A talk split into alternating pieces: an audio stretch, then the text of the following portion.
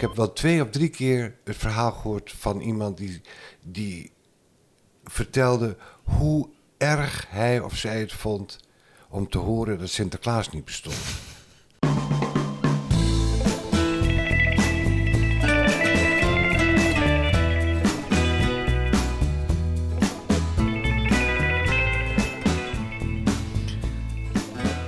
Lieve luisteraars, welkom bij de Verhalengast. De podcast waarin ik samen met een gast op zoek ga naar verhalen. Hoe vind, maak en vertel je een verhaal? En vooral ook, welke betekenis kun je eraan geven? In deze aflevering is de gast Henk Hofman, een theaterman. Als acteur, maar ook als docent. Grondlegger van het improvisatie- en terugspeeltheater in Nederland. Daarnaast adviseerde hij bedrijven en schreef hij boeken.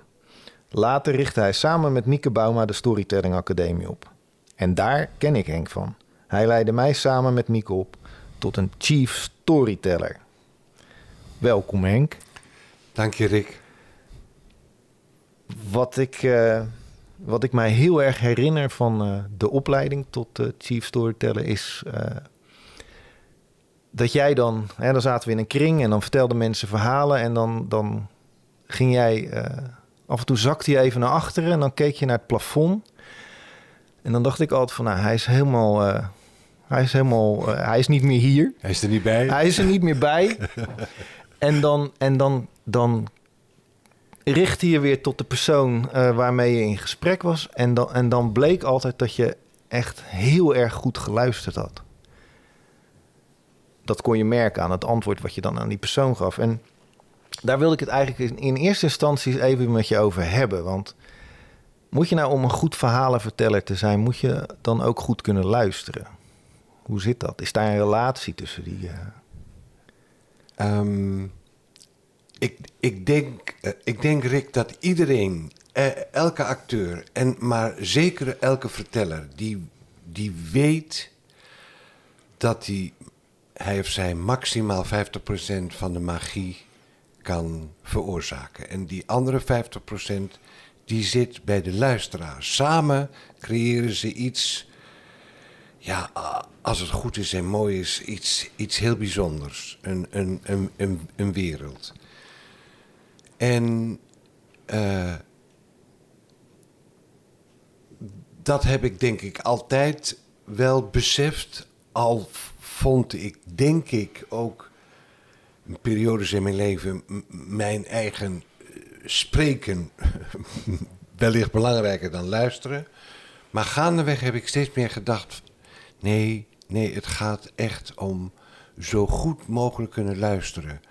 Oordeelloos, eh, interpretatieloos zelfs, aanvankelijk, zodat het verhaal van de ander binnen mag komen. En, ehm, en, en het bijzondere is dat er op dit moment ook steeds meer aandacht komt voor hoe kunnen we diep luisteren? Hoe kunnen we, hoe kunnen we, hoe kunnen we onze luistervaardigheden ontwikkelen? Storytelling, letterlijk, zou kunnen betekenen dat je, dat je vooral vertelt.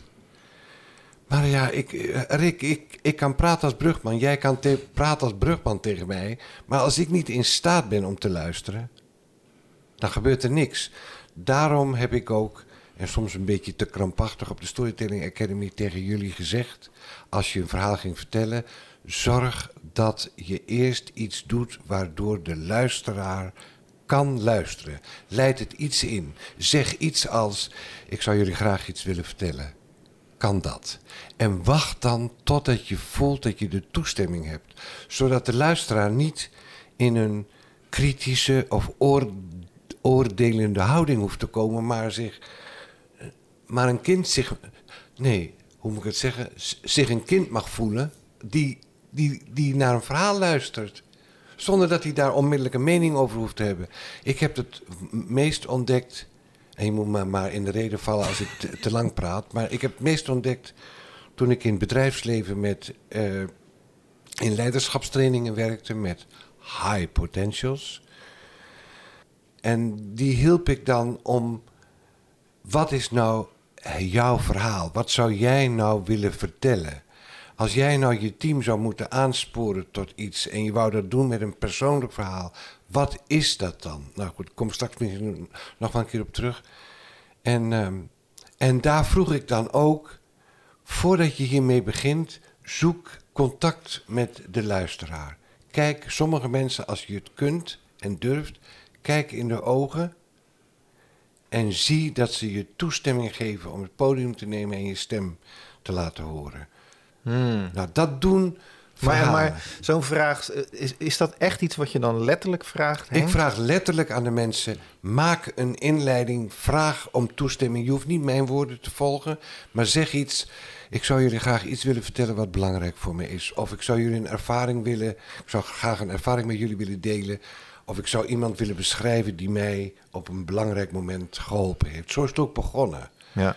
En, dan, en dan registreer je En dan bij je toehoorders of je die toestemming Ja, krijgt. en sommige mensen kunnen dat dan nog niet. Dus dan vraag ik, nee, doe het nog een keer. Doe het nog een keer. Zak, zak in, in het...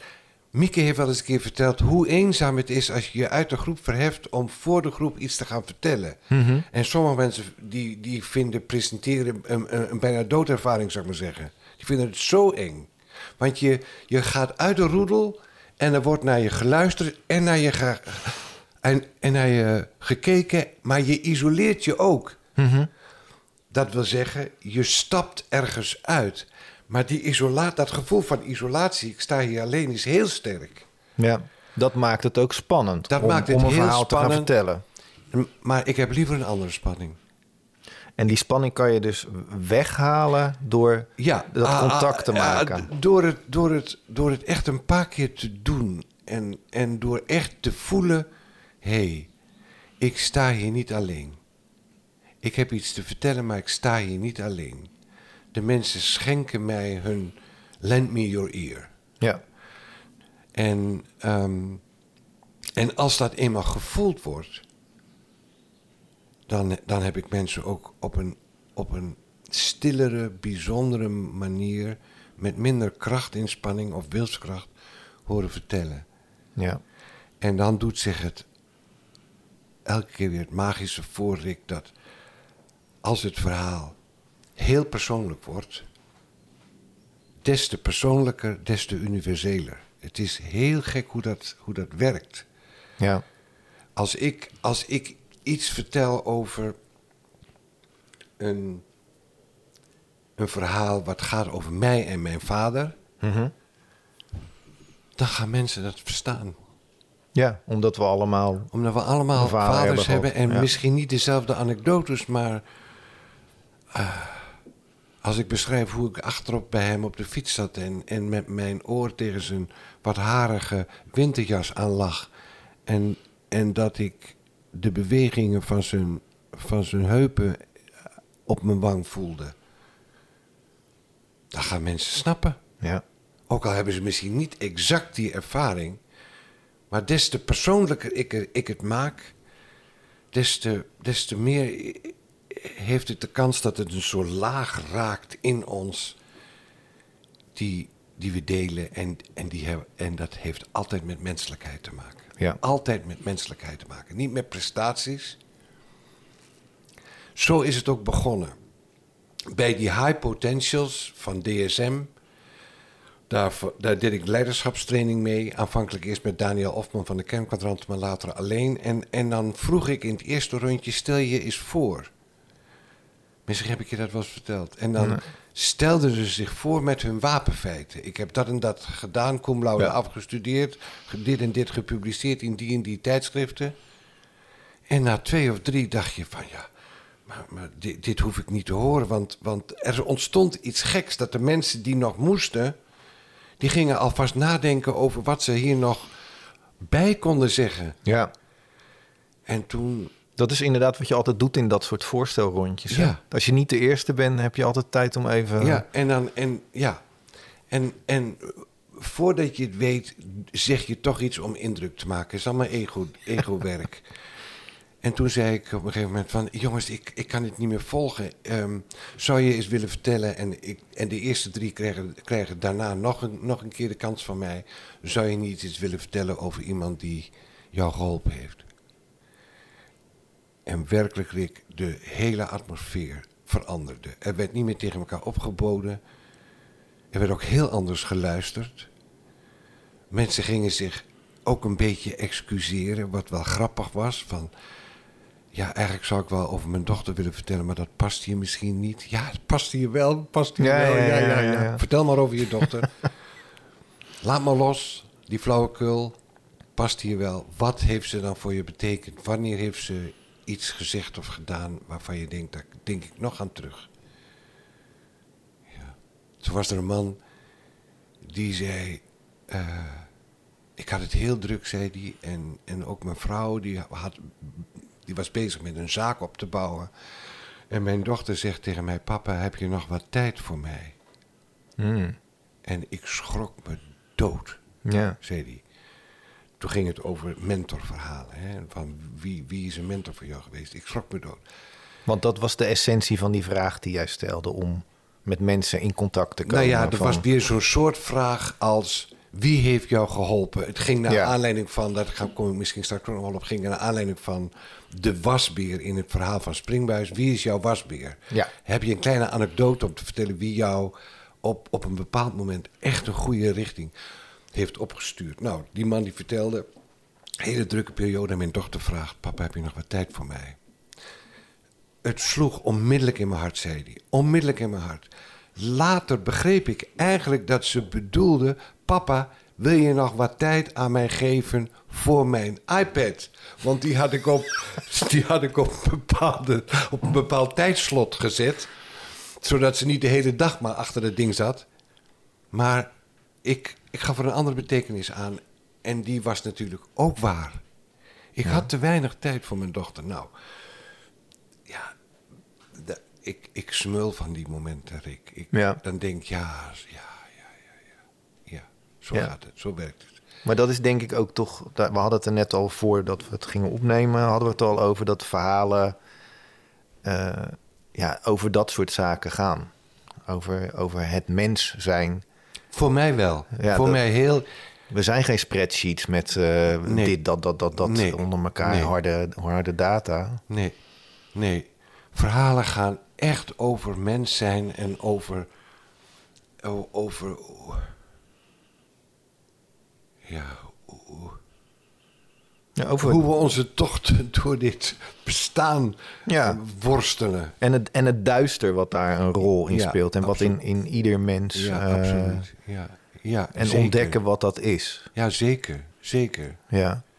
Want in, in, in onze tocht naar het licht, waarvan ik echt weet dat we uiteindelijk gaan we naar het licht. Och, Rick, eh, het is een gestrompel en een, en en, en een gehobbel en, en een geworstel. En, en je wordt verleid en je slaat verkeerde, eh, je, je maakt verkeerde afslagen en je moet weer terug. En dus één, het is eigenlijk één gedoe. ja, dat is het beslist. Het is een gedoe. En, En, het en is daar zijn ontzettend troostend om te weten Ja. dat dat gedoe ook al, ook al beschreven is. Ja, en dat anderen dat gedoe ook beleven. Ja, precies. Mag ik je daar nog een verhaal over vertellen of past dat nu niet? Henk, als het niet past, knip ik het er weer uit. Maar doe het. Nou, ik vertel weet- nou, vooral. Jij voor mij is het he- heel belangrijk geweest. Het is een periode geweest. Nou, ik denk dat zo tussen mijn 40ste en mijn 45ste is een periode geweest dat ik af en toe mezelf totaal ondermijnde. Dan dacht ik van, wat heb het voor nut? Wat doe ik eigenlijk? Wat stel Mhm. Ja. ik eigenlijk voor? En ik betwijfelde alles. Ik betwijfelde zelfs of de gedachte, wat stel ik eigenlijk voor, niet door mij bedacht was. Om mezelf, mm, maar e- e- enigszins eh, Ja, precies. Dat je die vraag nodig had om er wat precies, van te of maken. ik, dat, of, of ik dat nou echt zo voelde, Ja. of dat ik het maar bedacht, snap je? Nou, in elk geval, ik was bij Alida Gersi, is voor mij een hele belangrijke dame geweest. Zij heeft boeken geschreven over hoe mythen en oude verhalen en volksverhalen ons nog steeds kunnen dienen, zal ik maar zeggen. Mhm. En zij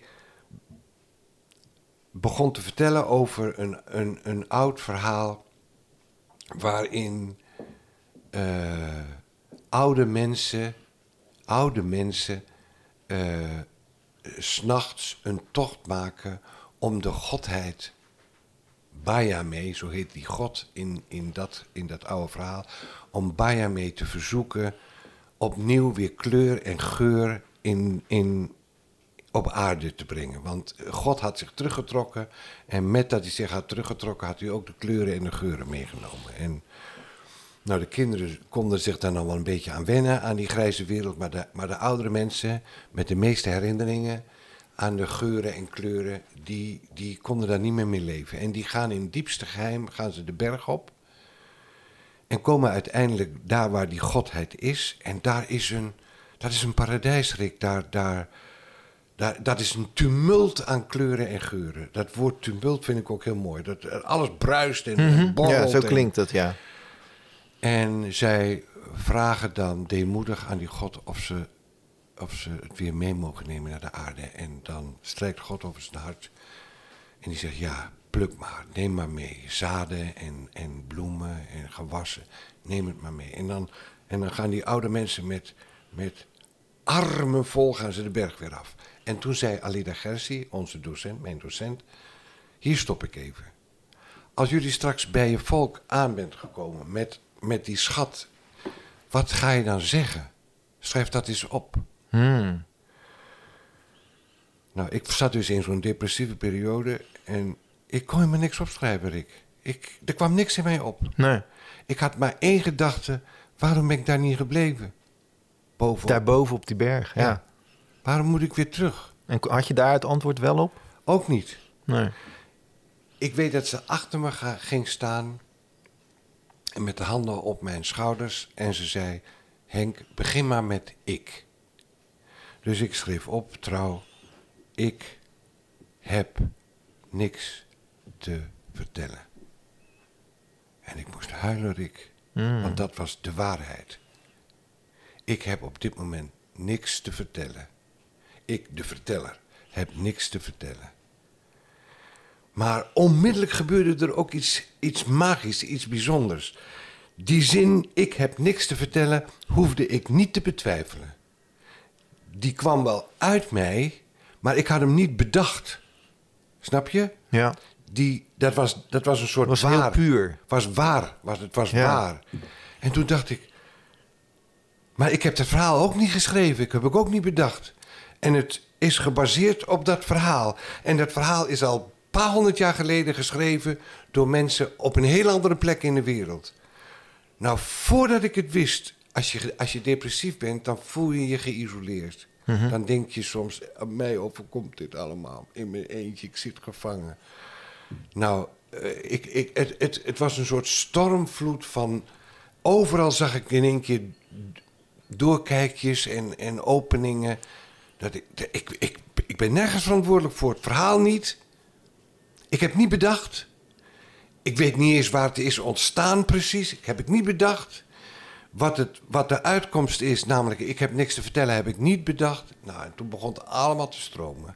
En op een wonderlijke manier voelde ik mij, om dat clichéwoord maar eens te gebruiken, heel verbonden met mensen, Hmm. met de mensheid, met wat wij allemaal kennelijk moeten doormaken.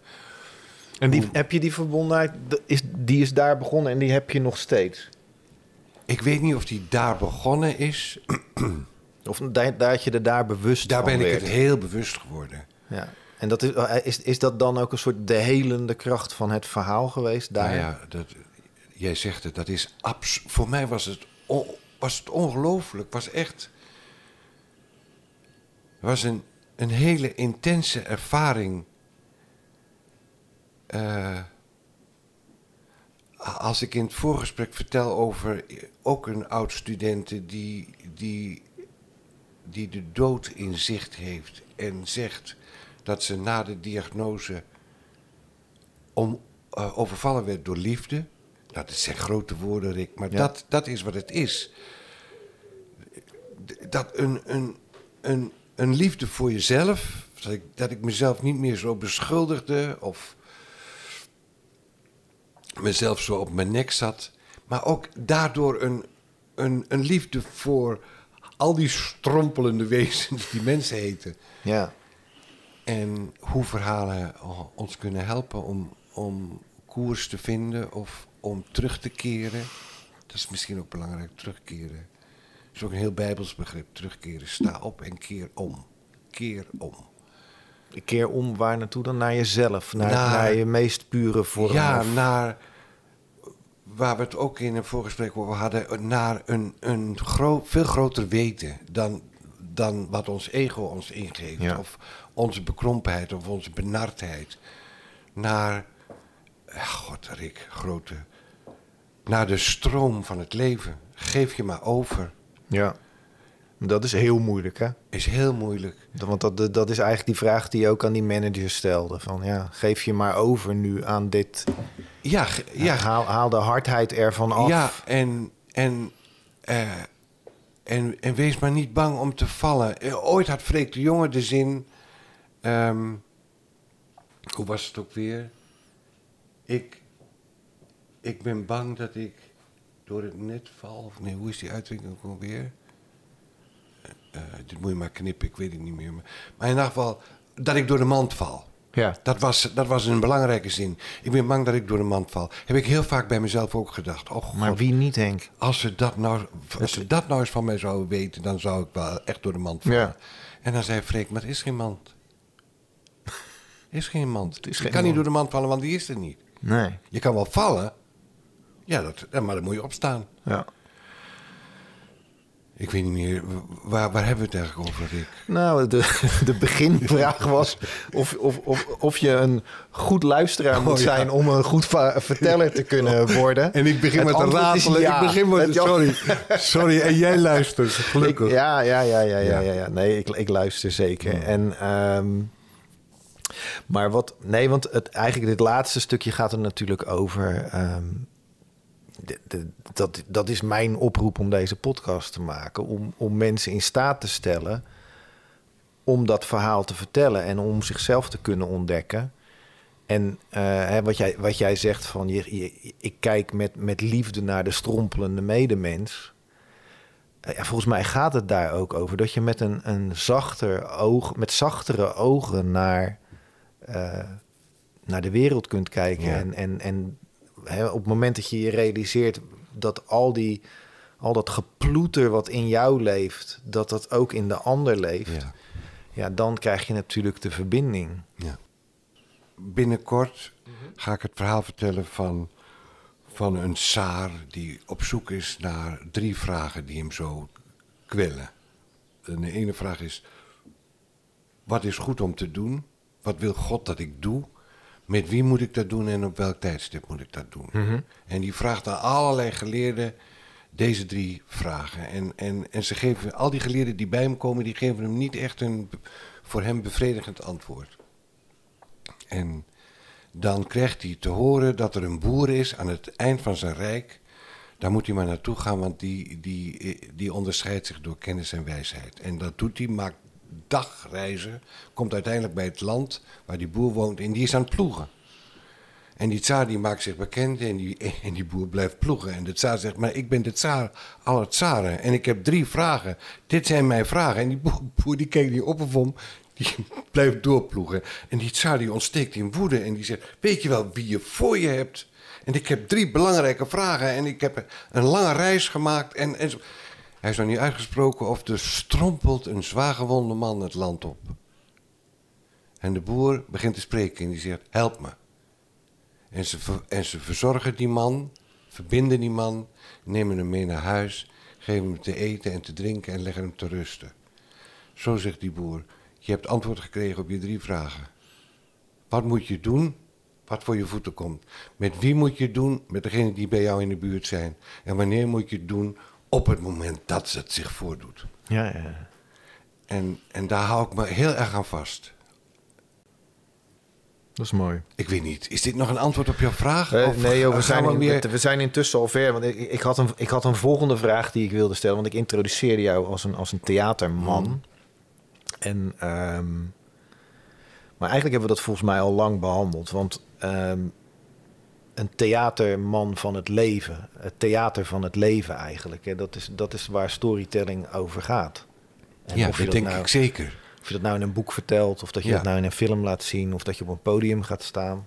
Ja, waar, waarvan ik, waar ik ook van denk, Rick, dat het, dat het echte theater daarover gaat. Als het niet over, over het leven gaat, als dat niet aangeraakt wordt en in welke vorm, dat bepaalt de regisseur.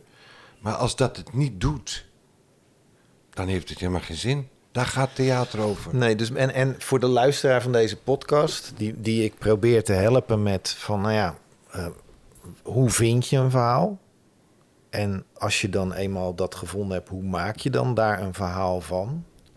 En dan is de derde vraag natuurlijk van hoe ga je dat vertellen? Welke vorm kies je daarvoor?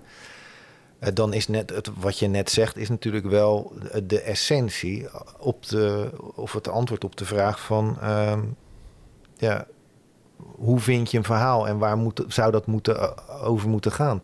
Dat het een menselijk verhaal is. Ja, ja, ja.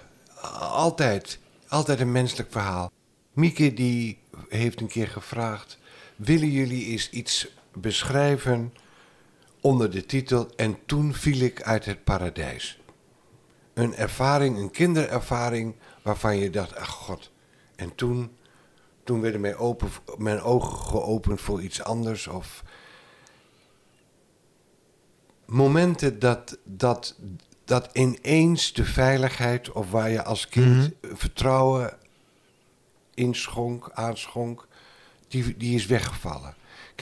Ik heb, wel twee of drie keer het verhaal gehoord van iemand die, die vertelde hoe erg hij of zij het vond om te horen dat Sinterklaas niet bestond.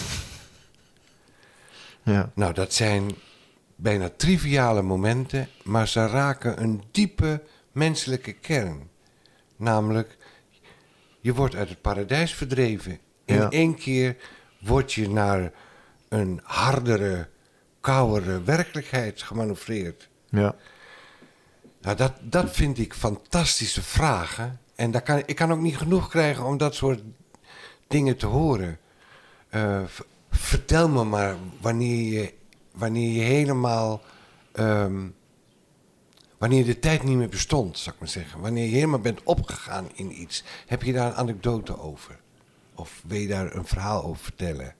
Dat vind ik fantastische vragen. Dat, dat zou een startpunt voor iemand kunnen zijn die nu luistert. Ja, de, Om, om heel, te beginnen heel, met een verhaal. heel klein. Ja. Heel, heel klein. Ja, dat is misschien wel een mooie tip ook. Hè? Dat, dat je een, een Ik begin- klein verhaal Ja, zoekt. klein. Want Oh ja, anders, ja, ja, eh, ja. Ik ben- Want het grote verhaal kan veel te groot zijn. Ja, oh, en- maar, maar daar ben ik zowel door Alida Gersi, die mij dus de liefde voor oude verhalen heeft bijgebracht, als John Stone, die mij grote leermeester in de improvisatie. Die waren heel betrouwbaar als ze zeiden: Wil je mij een 30 seconden verhaaltje vertellen? Hmm. Wil je mij een 20 seconden improvisatie doen? Wil je vijf zinnen zeggen? Wil je vijf acties maken? Heel klein. Kort en klein, ja. Ik kan me herinneren dat wij dat ook hebben gedaan. Dat Ja. was een oefening. Ja, heel. Elkaar in een hoog tempo korte verhaaltjes Ja, vertellen. korte verhaaltjes, korte Ja. verhaaltjes. Eh, of, of. Ja. Ja. Het, het begint bij. Het begint echt altijd bij klein. Mhm. Bij klein. ja. En bij ook. eh, eh, eh, het waarderen van het kleine. Ik krijg een idiote associatie. Toen ik student was op de theaterschool, toen was er een docent die, die gaf ons allemaal een mandarijn. Die gaf ons gewoon een mandarijn. En die zei: Je mag hem pas na een kwartier opeten. Nou, ik weet dat ik, dat ik, dat ik verrukt was. Dat ik voor het eerst veel beter rook hoe, waar de mandarijn eigenlijk, eh, eigenlijk hoe, hoe die ruikt. En dat je ermee kon rollen en spelen. En dat je ermee kon jongleren. En, en dat ik hem tegen mijn wangen kon houden. Nou, allemaal, Ja, ja, allemaal ja. sensaties. En al die sensaties, zou ik nu zeggen, waren aanleidingen voor verhalen. ja. Omdat je het aandacht geeft, denk ik. Nou ja, goed. Nou ja, dat zal het wel zijn. Ik, ik, ik, ken een, ik heb een soortgelijk verhaal over... Ik, had een, een man belde mij op en die zei van... eh, hij, hij was eh, boer en ze hadden, zijn bedrijf die importeerde ook eh, boontjes uit, eh, uit Israël en Egypte. En ze hadden eh, spruitjes ook van de Nederlandse Zeeuwse eh, polder. En ik kende die man niet en hij nodigde mij uit voor een gesprek. En wij zaten aan een tafeltje zoals we nu ook samen zitten. En hij stelt zich voor en het eerste wat hij doet is één spruit op tafel neerleggen. En hij zei van, kijk dan. Kijk dan hoe mooi. Hij zegt, al die kleuren groen die daarin zitten. Al die blaadjes die zo compact op elkaar zitten. En, en ja, hij was helemaal verrukt over de spruit. En ja, je verwacht het niet. Maar, maar dat moment ben ik nooit vergeten. Nee. Want iemand die zo passievol vertelt over het product wat hij net uit de schuur heeft gepakt. En ja, dat was kennelijk heel belangrijk voor hem om dat aan mij te vertellen. Die aandacht, die liefde voor dat, dat product. En dan ga je ook helemaal heel anders naar zo'n man kijken natuurlijk. Ja. Ja. Ja. En inderdaad ook eraan ruiken. En Ja, het, was, ja. het was een heel eh, ja. Bijzonder moment. Vooral omdat je dat ook niet verwacht als je ergens in de Hoekse Waard een, eh, een boerenloods binnenrijdt Ja. of loopt. Dat, dat die passie er is voor dat product. Ja, mooi, mooi wat je vertelt, Rick. Mooi. Maar goed, dat, dat, nou ja, dat was ook een klein stukje storytelling, toch eigenlijk wat die man daar deed. Nou, zeker. Hij nam mij helemaal mee in Zeker. dit, dat kleine spruitje, Zeker. die voor hem een hele grote wereld. eh, Vertegenwoordigen. ja, En uiteindelijk ook voor jou. ja. Ja, Want want je- je gaat wel voor, voor zo iemand werk je wel op een andere manier. Ja. ja. Ja. Die, die liefde die hij voor dat spruitje heeft, die stop jij ook in dat ontwerpje voor die verpakking die je voor hem maakt. Ja, Rick. En, en dit is het, het sleutelwoord, hè. Het, het gaat dus echt uiteindelijk altijd over liefde of het, Ja. of het ontbreken ervan, maar dan het verlangen ernaar. Ehm, ik moet nou denken aan eh, wa- waarmee ik ook een groep eh, een beetje overviel en, en verraste. Er was een, een jonge vrouw en die ging een verhaal vertellen. En die was er thuis niet uitgekomen, dus die, die las het half voor en, en ze kwam. Er gebeurde niks met de luisteraar. Eh, Ze kon het niet overbrengen en iedereen zat een beetje met kromme tenen. We, we zaten te kijken naar de, naar de worsteling van iemand die zich uit de groep had losgemaakt en voor de groep een beetje in de naki begon te staan, figuurlijk. En ik luisterde er ook naar en ik voelde ook een soort onmacht en onvermogen. En, en ik, ik ben uitgebarsten. Ik heb gezegd, je komt totaal niet uit de verf. Je komt totaal niet uit de verf. Dit is helemaal niks voor jou. En ook niks voor ons. Schrikken, schrikken. Ook de zaal schrikken. Hoe kon je toch zo heftig reageren op een vertelster? Huilen. Vertelster huilen. Je, je, je brengt niks over. Maar het was allemaal liefde, uiteindelijk. Van jou liefde van naar mij. haar. Ja. Ja. Dus ik zei, weg dat ding, weg die papieren. Kijk ons aan, kijk ons aan. Laat je hart spreken. Wat wil je vertellen? Hakkel en stotter je er doorheen. Gaat het over je broer? Ja, het gaat over je broer, dat weten wij nu. En je broer die lijkt op de kleine prins in dat verhaal van de kleine prins. Vertel maar over je broer. Vertel maar. Ga maar zitten. Je hoeft niet te staan. Ga maar zitten. Nou, Rick. Er, er gebeurde een wonder. Ja. Maar daar was een soort. Ik weet ook niet, nou niet helemaal of dat weer een antwoord op jouw vraag is. Maar het was, het was, er was een soort liefdevol mes voor nodig. Een, ja, een dolk. Om iets, om iets te doorbreken. Ja. Jij moest de dolk hanteren. Ik moest de dolk hanteren en ik moest, ik, ik moest zeggen: Je komt niet uit de verf. Jij, wij kunnen jou niet zien, jij laat je niet zien. We, eh, we- we- er is geen, er is geen, het stroomt niks, niks stroomt, alles is vastgezet. Ook hier bij de luisteraars, want die worstelen nu met: moeten we onderbreken? Moeten we Ja. stopzetten? Eh, wat voel ik allemaal? We- we oordelen van, nou, dit lijkt helemaal nergens op. Waarom doe je dat?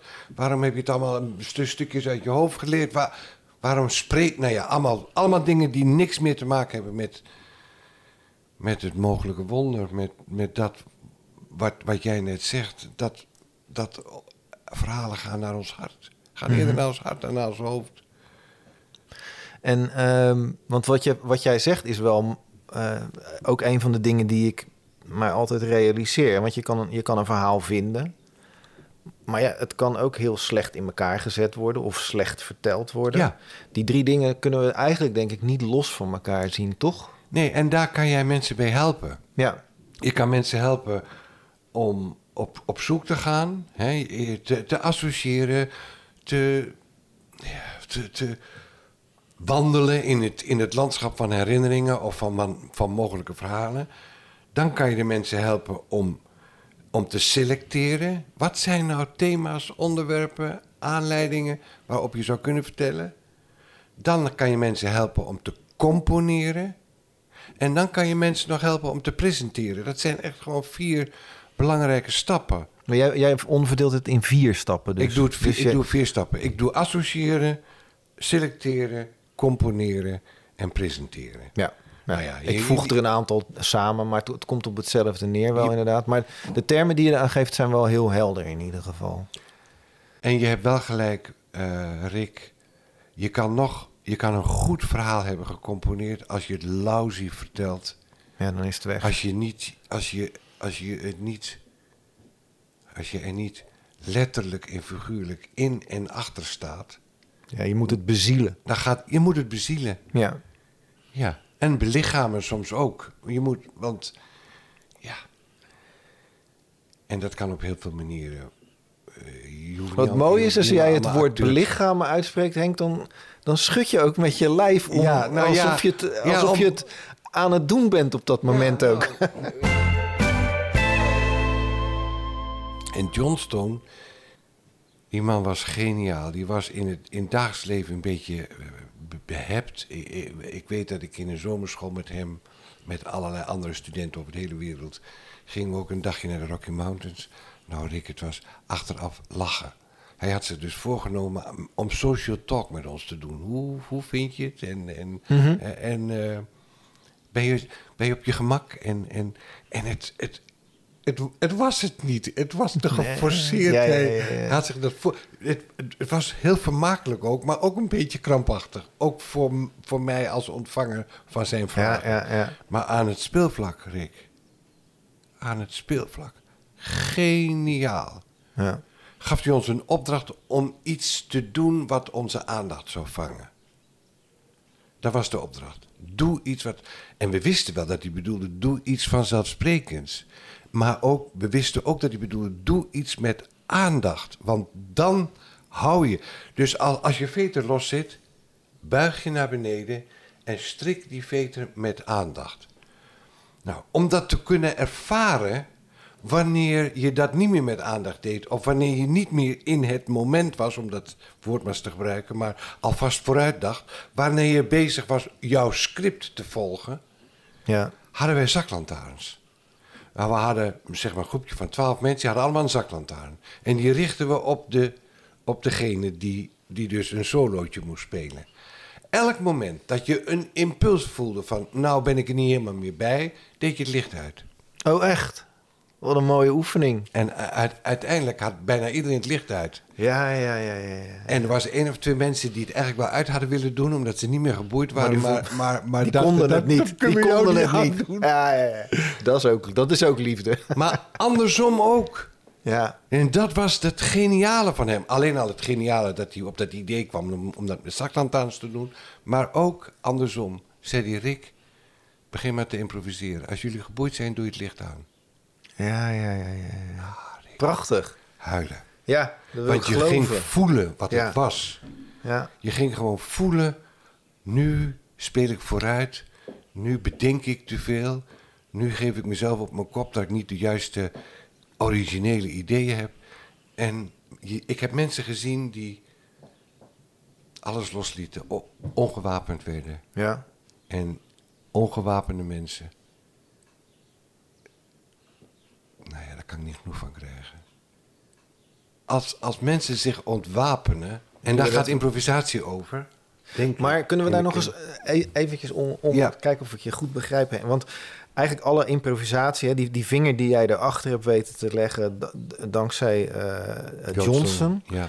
Ehm, maar dat is altijd in een dialoog. Ja. Dat is altijd een. een hoe, hoe doe je dat in je eentje dan? Als je, je zit aan een tafel met een wit papiertje voor je, dan komt natuurlijk ook die improvisatie. En hoe, hoe, hoe, hoe doe je dat in je eentje? Kan dat in je eentje? Ja, natuurlijk kan het in je eentje. Maar en wa- wat zijn daar dan de spelregels van? Precies hetzelfde. Doe wat in je opkomt. Precies hetzelfde. Maar er is niemand die terugspeelt. Hoe, Nee, maar dat hoeft niet. dat hoeft niet. Nee, nee maar kijk. ehm, wij zijn zo... Onze straatexistentie is een beetje taal die, die ik hoop dat je... Onze straatexistentie die is gebaseerd op pas op. Er kon wel eens gevaar dreigen. Ja, die snap ik. Ik, ik heb mijn kinderen geleerd, staat ook in het boekje, ik heb mijn kinderen geleerd om bij een drukke verkeersweg heel goed uit te kijken. Ja. En een beetje de toekomst te plannen. En, en, en niet te doen wat, wat zomaar in hun opkomt. Niet achter een bal aan te rennen in de buurt van die drukke verkeersweg. Want stel je voor. Pas op gevaar helpt ons heel erg in het dagelijks leven. Dat we, dat we, dat we, ons, dat we geen ongelukken eh, veroorzaken. Hè? Dat ken je toch? Ja. Bij twijfel niet inhalen. Ja. Klopt, klopt allemaal. Behalve in het loslaten van je eigen fantasie. Dan helpen ze helemaal niet. Nee. Nee, daar moet je het- precies het tegenovergestelde doen. Om, een- Ja, om, en dat kun je dus ook in je eentje doen. Je kunt jezelf dus ook corrigeren. Je kunt dus denken van... hé, hey, nu schrijf ik dit op... maar ik heb eigenlijk een pas op gevaar in mijn hoofd. Laat ik eens loslaten. Wat gebeurt er als ik het tegenovergestelde doe? ja. Of dat onmiddellijk publicabel is, dat is nog maar de vraag. Maar je kunt jezelf coachen in... Ik, ik, ik schrijf gewoon op wat me ingeeft. Ik ga Ja. later wel eens kijken. Ja, precies. En dat je die spanning opzoekt. Ja, want ik moet denken aan, aan een van de een jongen in mijn eh, toneelgroepje, eh, Thomas. En die vertelde een verhaal dat hij met een vriend op vakantie is in, in Oekraïne. Eh, Ver voordat het, eh, voordat het daar uit de hand is gelopen. En hij vertelt dus dat hij daar rijdt. Ze zitten in de auto en er ligt een persoon langs de kant van de weg. Zij weten niet of, wat er met die man aan de hand is of niet. En ehm, nou, ze krijgen een dialoog in de auto van ja, moeten we helpen, moeten we niet helpen? Ja, we zitten in de Oekraïne, wat kunnen we doen? Eh, we rijden door. Ja, dan is het, dan houdt het daar eigenlijk op. In een verhaal had je moeten zeggen van ja, nee, we zetten de auto stil. En we nemen die persoon juist wel mee. Om die spanning te zoeken natuurlijk. Of om het ongemak van de situatie eh, te vergroten. Ja, Omdat wat je, ja, ja, eigenlijk voor een goed verhaal kies je eigenlijk. Waar de spanning zit. ja. En het Of waar het ongemak Ja, zit. het waar de- ja. ja. ja. En wat wou je hieruit concluderen? Ik heb geen idee, Henk. Nou, nou ja, wel. Nee, dat weet ik wel natuurlijk. Dat je, wat jij zegt. Van, Pas op eh, gevaar. Dit kon wel eens gevaar zijn, dus laten we het... laten we het maar niet, Niet- doen. we gaan terwijl niet- in het verhaal zou je willen zeggen van... En weet je wat zo bijzonder is? zoek En- dat verhaal op. Ja, en weet je wat zo bijzonder is? Daar heeft Johnston zoveel oefeningen op gebaseerd. Ten opzichte van onze fantasie reageren we op dezelfde wijze als dat we zouden doen in de werkelijkheid. Heeft hij kleine oefeningetjes gedaan, van dan moest je elkaar vastpakken en steeds één woord zeggen. Wij lopen in een groot bos. Hè? Mhm. Kun je het volgen? Dus Ja. wij lopen in Ja, ja, ja. wij zien een beer, ik zeg maar wat. Wij vluchten weg. 99 van de 100 keer. Er wordt iets geïntroduceerd, in plaats dat daarmee wordt geïnteracteerd, ga je er vandoor. ja. Of je, of, of je laat het verdwijnen. Eh, kan je me nog volgen? Ja, volgens mij Dat zeg je dat je, je, je, dat- moet, je moet interacteren met, Ja. met, de- met hetgene wat de angst ja, en, inboezemt. en, en laat je maar opeten, want in Ja. je fantasie kan je nog in de buik misschien wel wat doen. Ja. Of blijkt dat hij dat die, dat die, dat die zijn vel losritst en dan blijkt het helemaal geen beer te zijn. Maar dat kan je alleen maar ontdekken als je in de interactie wil. Maar wat gebeurt er? Je eerste impuls is, oh god, een beer. Dat is dus wat Johnson zei. In onze fantasie doen we bijna doen we hetzelfde als in de werkelijkheid. ja. Fascinerend hoor, Rick. Ja, zeker. Maar En daar kan je jezelf op coachen. precies, dat is, dat, dat is wel de les voor de luisteraar. Die zou hier Dat wel kunnen echt- denken van... Je moet, denken van, je moet niet denken van, oeh, een beer. Je moet denken van, yes, een beer. Ik, ik, ik ga erop af. Ja, ik, die beer is Kijk van wat mij. wordt. Kijk wat wordt, Ja, ja. kijk wordt. En daarom nog, nogmaals een keer dat, dat stukje. Als je bezig bent om te fantaseren, dat vind ik een ander woord voor associëren, het is niet helemaal hetzelfde. Ga nog niet selecteren. Ga ook nog helemaal niet componeren. Dat komt pas later.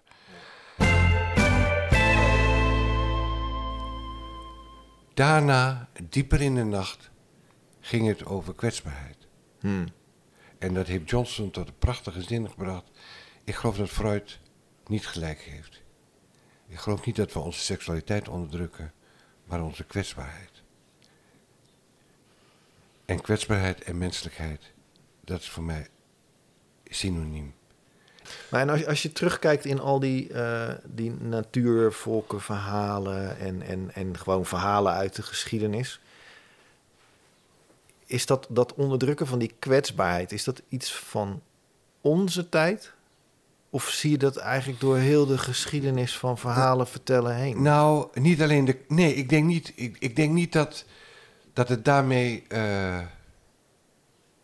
gepositioneerd is. Wat, wat ik wel weet, is dat heel veel verhalen van, van de natuurvolkeren gaan over natuurverschijnselen. Het gaat over licht. Het gaat over warmte.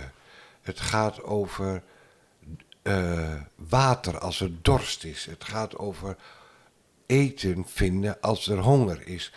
Zeg maar, oh, in de piramide van Maslow, onze primaire behoeften. Over beschutting, over rust, over enzovoort. Die, die oeroude verhalen, die gaan over dezelfde thema's als wij met mensen nog hebben. Alleen, nu zitten ze in ons hoofd en niet meer in ons, in, in, in een lijfelijk verlangen. Er is een enorm verlangen om juist het, het kwetsbare, dat wat zichzelf nog niet goed kan verdedigen, om dat te delen, om dat te Mhm. uiten. Ja. Om, en om dat, om dat ge- ge- gezien te krijgen, gehoord te krijgen, erkend te krijgen. Het is, het, het, het is bijna het mooiste wat je kan overkomen. Dat iemand zegt, och Rick, Ja, Rick, heb je hier zo... Ik ken dat, jongen. Ik ken dat. Mag ik, mag ik mijn verhaal er ook eens naast zetten? ja. Hoe kunnen we elkaar bemoedigen Mhm. om ons niet te verharden? Ja, Om ons niet te bewapenen? ja. En wat is daarvoor nodig? Hoe... Het is ook toch ook een gevecht tegen de onverschilligheid. Absoluut. Ja, Absoluut. Absoluut. ja. Dat, dat is het helemaal, Rick. Dat is het echt helemaal. ja. Echt helemaal. We zijn trouwens eh, eh, al een heel eind onderweg, Henk. Het, het verhaal van Springmuis, daar zou ik het met jou over willen Hmm. hebben. Dat is het alleen het enige lastige is dat natuurlijk de mensen die hier naar luisteren, die kennen misschien heel dat verhaal van Springmuis niet. Ehm, kunnen we nog iets met het grote geschenk dat Springmuis is Ja. als verhaal? S- Springmuis is een verhaal wat al heel lang verteld wordt eh, door indianenstammen en met name de indianen van de vlakte. En het, en het is een verhaal wat gepubliceerd is voor de eerste keer in de jaren 70 door Hemus Storm, Chief, Chief Storm, die aanvankelijk nogal wat kritiek geeft dat hij, dat hij de verhalen die bij zijn volk hoorden en die eigenlijk altijd mondeling waren overgedragen en voor sommige verhalen moest je wel een beetje geïnitieerd zijn of ingewijd, dat hij dat zomaar prijsgaf in een boek. Hmm. Want het verhaal van Springmuis is een van de verhalen die ook in het medicijnwiel zou kunnen voorkomen. Dat moet mensen maar eens opzoeken. Namelijk, hoe, hoe maak je als mens je toch door het leven? En welke obstakels kun je tegenkomen, maar ook welke, welke eh, ondersteuning, support kun je krijgen? En waar gaat uiteindelijk de reis naartoe? Nou, als wij in het voorgesprek het even hebben over die zieke dame die ik gisteren bezocht heb. Die ervan overtuigd is dat er een groot licht is waar ze naartoe gaat. Zo is, gaat het verhaal van Springmuis over, over de tocht naar de Heilige Bergen. En Heilige Bergen voor mij staat voor wat zijn nou principes voor jou, uitgangspunten, waar je misschien soms misjoemelt, waar je soms de weg in kwijt bent, maar die, die jou helpen om mens te zijn. Een waarachtig goed mens te zijn. Wat zijn, wat zijn uitgangspunten waar je niet mee, meer mee wilt sjoemelen? Ook al gebeurt het soms. Waar je niet door la, wil laten besmetten, niet besmeuren. Nou, het verhaal van Springmuis gaat erover dat, dat, dat er een muizenfamilie is. En een van die muizen die hoort wat. Andere muizen ontkennen dat. Maar elke keer als de muis even stilstaat, dan hoort hij wat. Dat is grappig. Je moet dus kennelijk, om iets anders te willen horen, even stilstaan. En je opheffen, op je achterpootjes gaan staan. Niet meer, niet meer met die dagelijkse muizenissen bezig zijn. Nou, wordt ontkend. Muis besluit op pad te gaan. Ontmoet daar iemand die zegt: Ik hoop dat ik wel weet wat jij hoort. Jij hoort steeds zo zacht geruis. Nou, ik ken het. Dat is de rivier. Ik breng je naar de rivier. En dan, dan, dan voltrekt zich een, een, een groot verhaal. Want die muis die valt in de rivier en die, die, die, die klautert er weer uit en die wordt afgewezen en die gaat toch weer op pad. Want bij, het, bij, de, bij de rivier wordt je uitgenodigd om hoger te springen. Dat is ook een mooi hoor. Om hoger te springen. Hoger te springen dan dat je normaal zou doen? Ja, hoger te springen. Een, een, een, een hoger niveau te bereiken. Dat is een mooie, mooie zin. Mhm. En- Maar goed, dan dondert hij in het water. En, eh, maar in die sprong, op het hoogste punt, zegt de kikker tegen hem: Wat zag je als je niet door angst wordt overheerst? Dat is mooi, hè? Als angst, als je over de angst heen bent gesprongen, wat zag je dan? De Heilige Bergen. Nou, daar wil hij dan naartoe. En dan ontmoet hij allerlei dieren die hem helpen en, en die hem soms een beetje tegenhouden, maar uiteindelijk komt hij bij de Heilige Bergen. Nou, dat verhaal, dat vind ik echt een levensverhaal. Daar kan ik van alles zelf nog elke keer weer over vinden. En, eh, nog maar twee weken geleden had ik een groep waaraan ik dat verhaal ook mocht vertellen. En, het, en de wolf, dat is de laatste die Springmars tegenkomt. De wolf.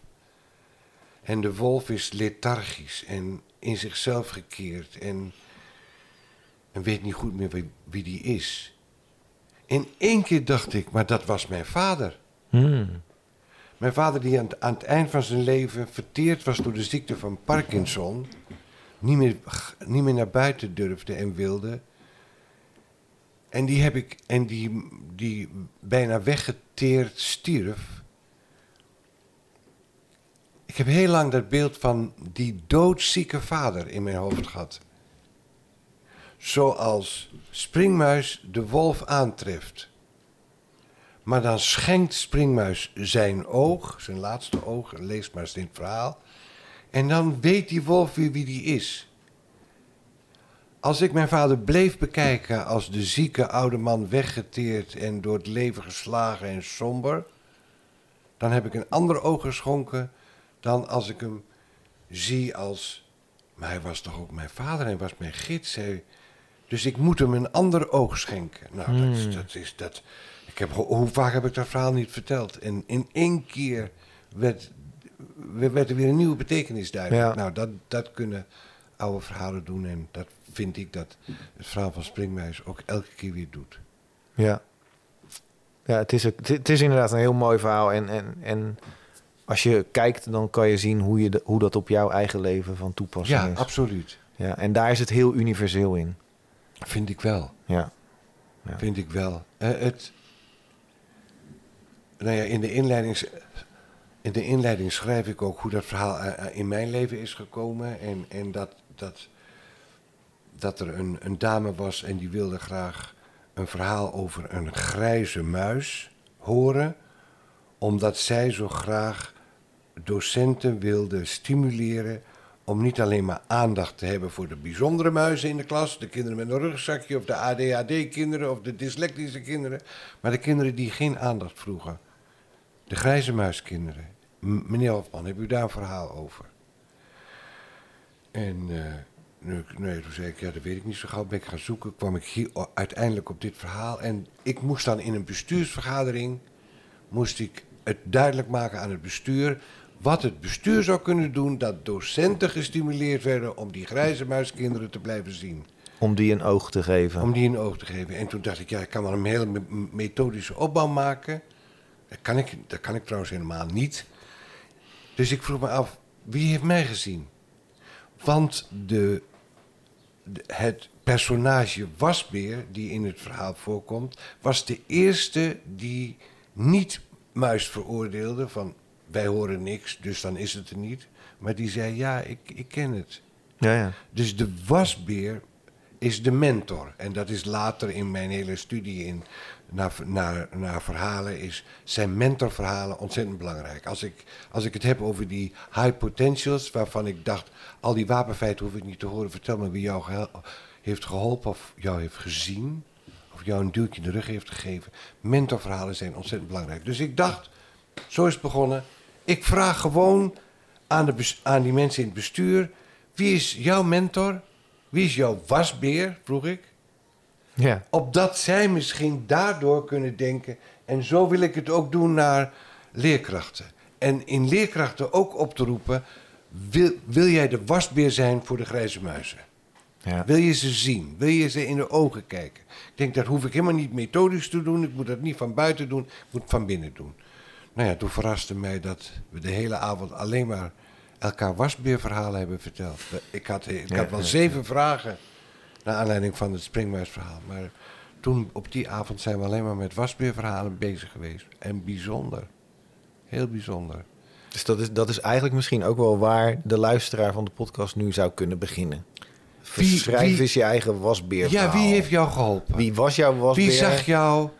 Wie zag jou? Wie he- heb je een herinnering aan wat iemand ooit tegen jou heeft gezegd?